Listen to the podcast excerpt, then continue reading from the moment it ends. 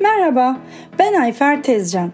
İstanbul Üniversitesi Fen Fakültesi Biyoloji Bölümü mezunu ve emekli biyoloji öğretmeniyim. Öğretmen, anne ve bir kadın olarak konuşmayı çok severim. Bildiklerimi anlatmak ve paylaşmaksa yıllar içinde benim için bir hobi haline geldi.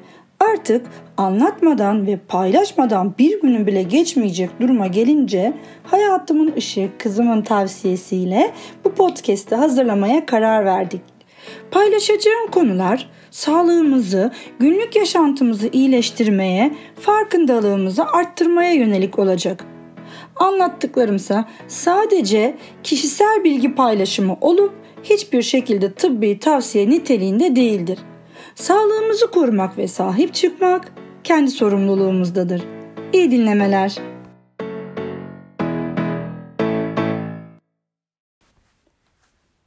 Kuruma yani kasıtsız su kaybı.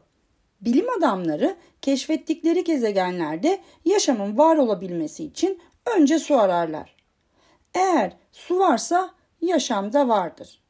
Yaşam kaynağımız bitkilerin tohumlarındaki su oranı %5 ile 7 kadardır.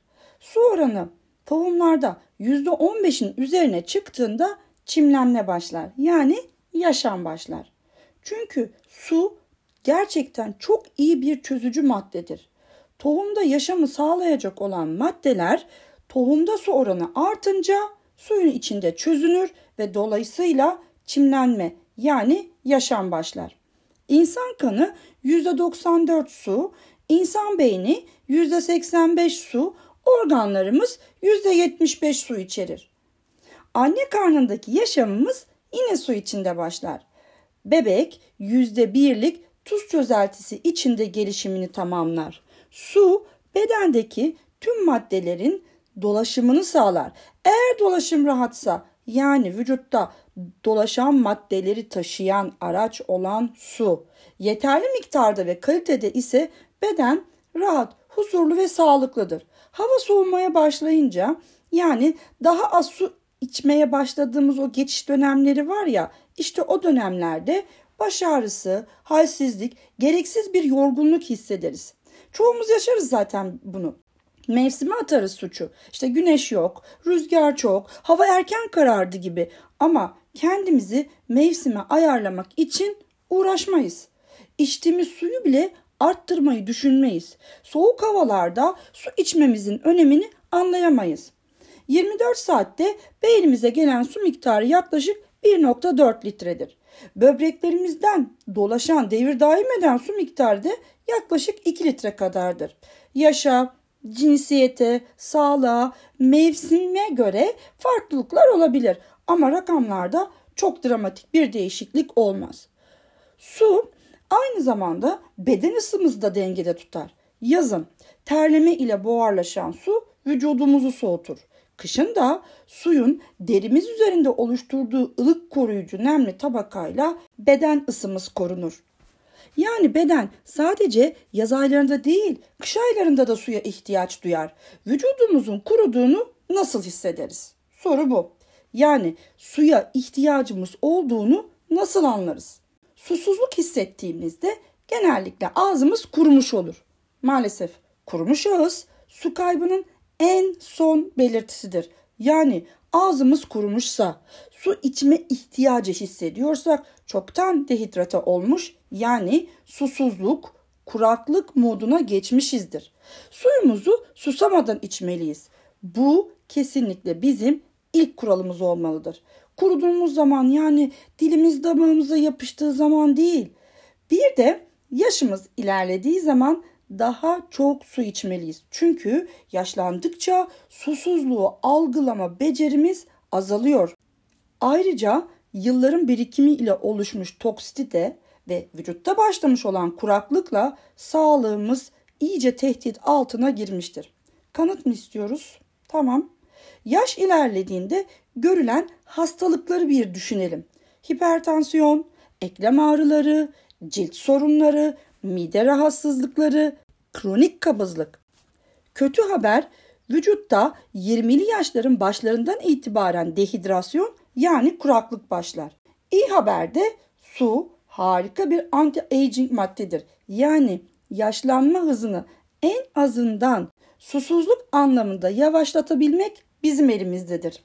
Sorunumuz aslında susuzluğumuzu algılayabilmektir.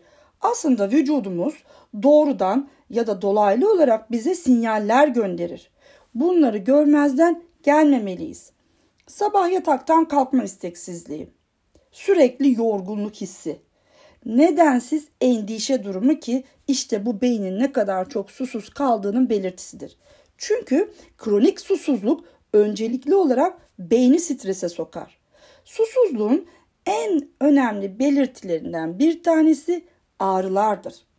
Neresinin, ne zaman, ne kadar ağrıdığı gibi sorulardan önce nedensiz başlayan ağrılara dikkat etmeliyiz. Ağrılar vücudumuzun imdat çığlıkları gibidir. Sorun olan yerdeki ilk belirtidir. Hey buradayım, ağrıyorum, burada bir sorun var der. Şöyle düşünelim. Kapıya gelen misafirimiz eğer kapıyı çalıp bize sesli mesaj göndermezse kapıda birinin olduğunu bilemeyiz. Kapıyı çalar ki ben buradayım, haberin olsun, aç kapıyı demektir. Ağrılar da böyledir. Sorun çıkan yer ile ilgili bize haber gönderir. Yeter ki vücudumuzu dinleyelim. Bir günde yaklaşık olarak idrarla bir buçuk litre kadar, terleme ile yarım litre kadar, nefes yani buharlaşma yoluyla yarım litre kadar su atılır.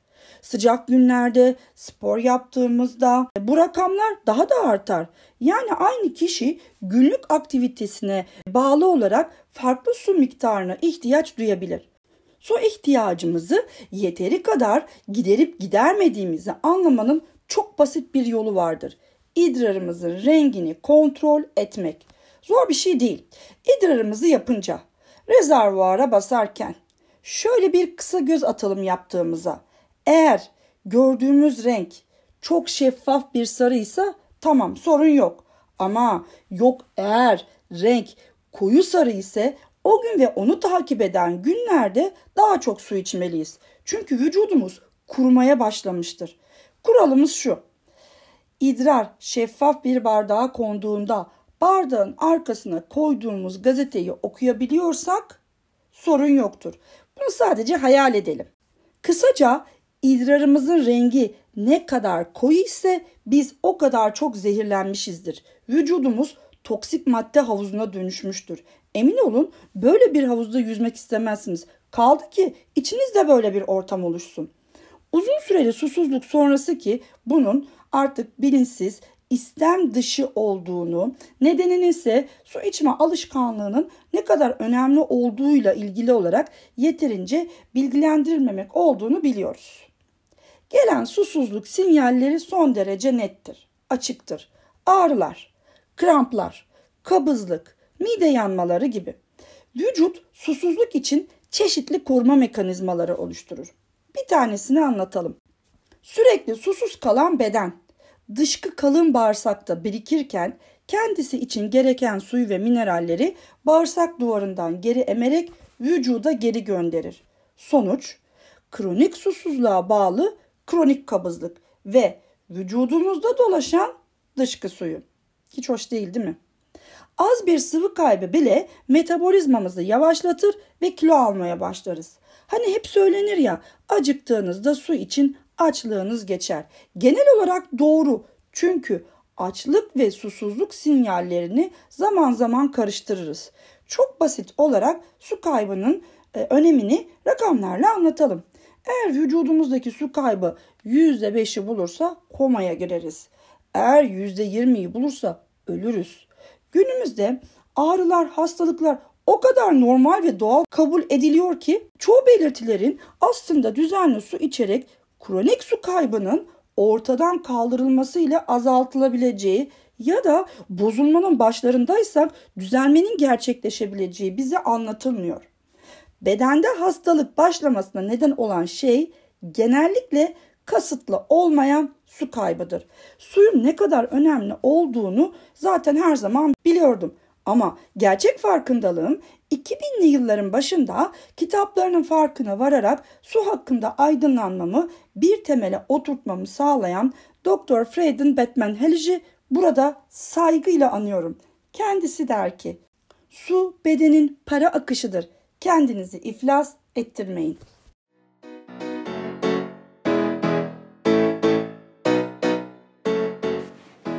Dinlediğiniz ve takip ettiğiniz için teşekkürler. Güncel ve pratik bilgiler için dinlemede ve takipte kalınız.